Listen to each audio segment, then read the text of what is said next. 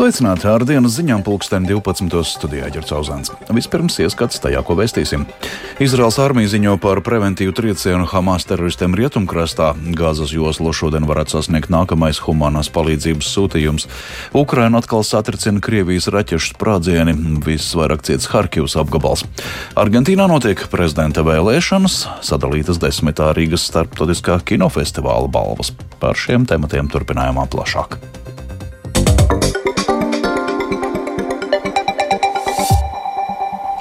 Turpinoties Izraels karam pret teroristisko grupējumu Hamas Gāzes joslā, pastiprinās Izraels spēku operācijas rietumkrastā, kur aizvadītajā naktī iznīcināts Hamas pazemes infrastruktūras objekts. Izrādot atbalstu Izraēlai tās karā ar Hamas, Telavivā turpina ierasties Eiropas valstu līderi. Turpina Rustams Šukurovs. Izraēlas armija paziņoja, ka veikusi preventīvu triecienu pazemes infrastruktūras objektam zem Aļansāra mošejas kompleksa, kas atrodas Jordānas upes rietumkrasta pilsētā Dženinā. Izraēlas aizsardzības spēku paziņojumā teikts, ka zem mošejas kompleksa atradās teroristisko grupējumu Hamas un Islāma džihāds kaujinieki, kas bija atbildīgi par vairāku teroraktu organizēšanu pēdējo mēnešu laikā un gatavojās veikt kārtējo uzbrukumu tuvākajā nākotnē. Ziņu aģentūra Reuters atsaucoties uz palestīniešu ārstiem ziņo, ka triecienā nogalināti divi cilvēki. Saskaņā ar Palestīnas sarkanā pusmēneša ātrās palīdzības dienesta ziņoto trieciens skāra Dženīnas bēgļu nometni, ko nereti dēvē par Hamas filiāli rietumkrastā vēsta aģentūra. Kopš kara sākuma 7. oktobrī situācija rietumkrastā ir ļoti saspringta. Līdz šim Izraēlas drošības spēki pretterorisma operācijās rietumkrasta teritorijās aizturējuši vairāk nekā 500 aizdomās turumos. Tikmēr Gazas joslu vakar sasniedza pirmais humānais kravas konvojs. Kopumā Gazas joslā sestdien no Ēģiptes caur Rafāhas robežas ķērsošanas punktu iebraukušas 20 kravas automašīnas. Pēc tam, kad robežas ķērsošanas punktam cauri bija izbraukušas Ēģiptes sarkanā pusmēneša kravas automašīnas, tas atkal tika slēgts. ANO iepriekš ziņoja, ka diviem miljoniem cilvēku Gazas joslā steidzami nepieciešama daudz lielāka humānā palīdzība, tostarp degviela, lai darbinātu ģeneratorus slimnīcās un iegūtu tīru ūdeni. ANO humāno operāciju vadītājs Mārtiņš Grifits tikmēr paziņojis, ka otra kravas automašīnu kolonna varētu iebraukt Gazas joslā jau šodien. ANO un Izraela ir iesaistītas sarežģītās, bet godīgās pārunās par to, kā kravas automašīnas tiks pārbaudītas, paziņoja Grifits. Tāpat ANO pārstāvis piebilda, ka sarunās tiek apspriesta degvielas patēriņa izsekošanas sistēmas izstrāde, kas apmierinātu Izrēlu un ļautu Gazas joslā piegādāt degvielu. Vakar Izrēlu apmeklēja Itālijas premjerministra Džordžija Meloni. Tiekoties ar Izrēlas premjerministru Benjaminu Netanjahu, Meloni atzīmēja, ka viņas vizīte Televīvā ir gan Itālijas valdības, gan Itālijas tautas solidaritātes apliecinājums Izrēlai. Mēs redzējām neiedomājumus kadrus par to, kas notika pirms divām nedēļām un kas liecināja par kaut ko vairāk nekā vienkāršu karu ko viņi parādīja. Viņi ir tie, kas vēlas izraidīt ebrejus no šī reģiona, un tas izriet no antisemītisma. Tas ir kaut kas, pret ko mums jācīnās vakar un šodien. Mēs aizstāvam Izraēlas tiesības uz pastāvēšanu, aizstāvību un izrēliešu drošību.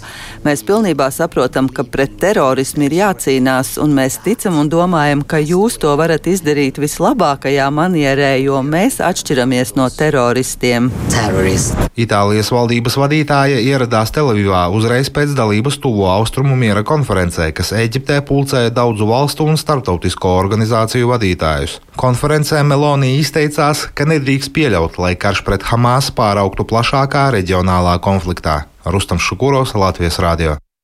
Ukrainā aizvadītajā naktī un šorīt atkal skanēja gaisa trauksmes sirēnas un nograndas sprādzieni. Krievijas uzbrucēji apšaudījuši Harkivas apgabalu Kopjānskas pilsētu, trāpīts vairākās dzīvojamās ēkās, trīs cilvēki ievainoti - 15 gadus veca meitene, 17 gadus vecs puisis un 63 gadus veca sieviete, tā paziņoja reģiona militārās pārvaldes vadītājs Oļegs Sinehubovs. Vakar vakarā Krievijas spēku raidīta raķetes 300 trāpījusi Ukrainas pasta terminālim Harkivas priekšpilsētā Korotičā. Raķetes triecienā gājuši bojā seši pasta darbinieki, vēl 16 ievainoti, no tiem 8 ir smagā vai ļoti smagā stāvoklī. Pret Helsonas apgabalu aizvadītajā diennaktī izšauta vairāk nekā 500 minmetēju artilērijas un cita veida šāviņu, tā sacīja reģionālās administrācijas vadītājs Aleksandrs Prokudins.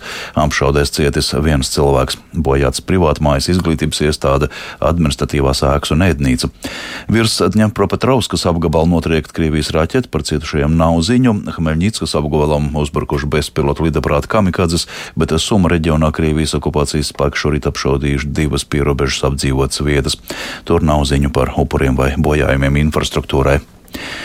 Bet uz Ukrainu no Alūksnes šodien dodas kārtējais autokonvojs, lai Ukrainas armijai nogādātu vairākus transporta līdzekļus. Šis nav pirmais alūksniešu brauciens uz Ukrainu.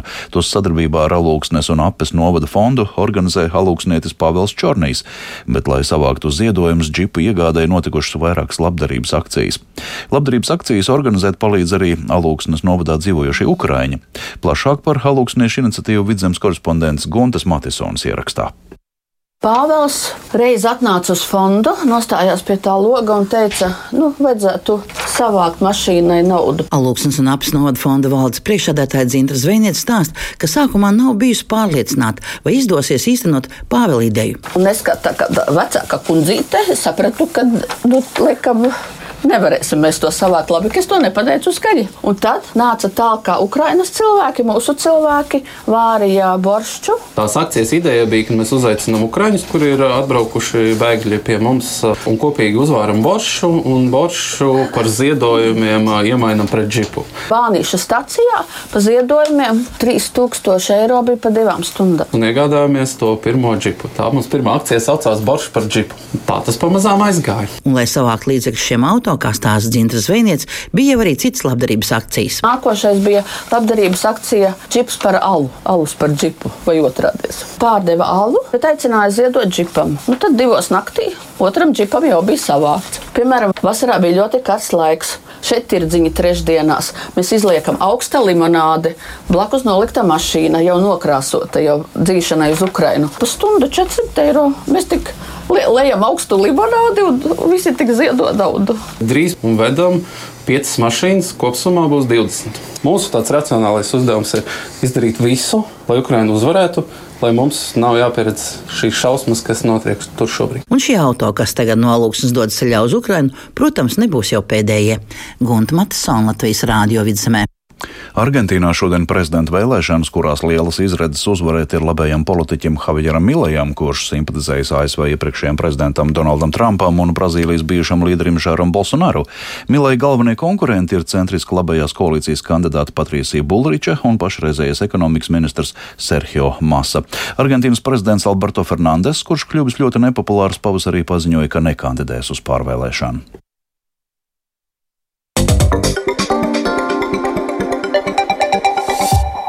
Vakar vakarā sadalītas desmitā Rīgas starptautiskā kinofestivāla balvas. Galveno balvu zelta gaili saņēma somu režisores Tijas Kauvo spēļu filma Ģimenes laiks.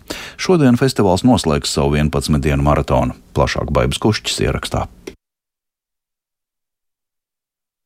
Future Film Competition, the winner of the Future Film Competition. Tia Kuvo's debut film, Family Time. Congratulations! Woo! Vācu kino kritiķe Dženija Cilka paziņoja starptautiskās žūrijas lēmumu galveno balvu piešķirt somu režisoras Tiesa Kauvo debijas filmetrāžas spēlfilmai Ģimenes laiks. Pamatojums filma caur vienas ģimenes tūplānu ļoti dzīvi un dziļi runā par universālām tēmām. Somu režisori balvu saņemot atzina, ka laikā, kad pasaulē notiek tik daudz šausminošu lietu, viņa kā filmu veidotāja savu nostāju var paust, radot darbus, ko caurstrāvo cilvēcība un mīlestība.